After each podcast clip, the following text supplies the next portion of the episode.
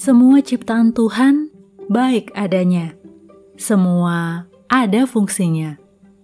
Dosa manusialah yang membuat kekacauan, memutar fakta, membuat dalil sendiri dari pengertiannya yang cekak.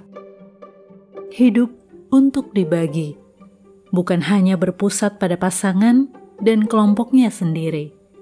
Berpusatlah pada yang benar, yaitu Tuhan Sang Pencipta, Sang Kasih itu. Lalu bagikanlah kasih yang kita terima itu pada ciptaannya. Ciptaan Tuhan itu beragam, amat beragam. Bahkan masih banyak yang tidak kita ketahui.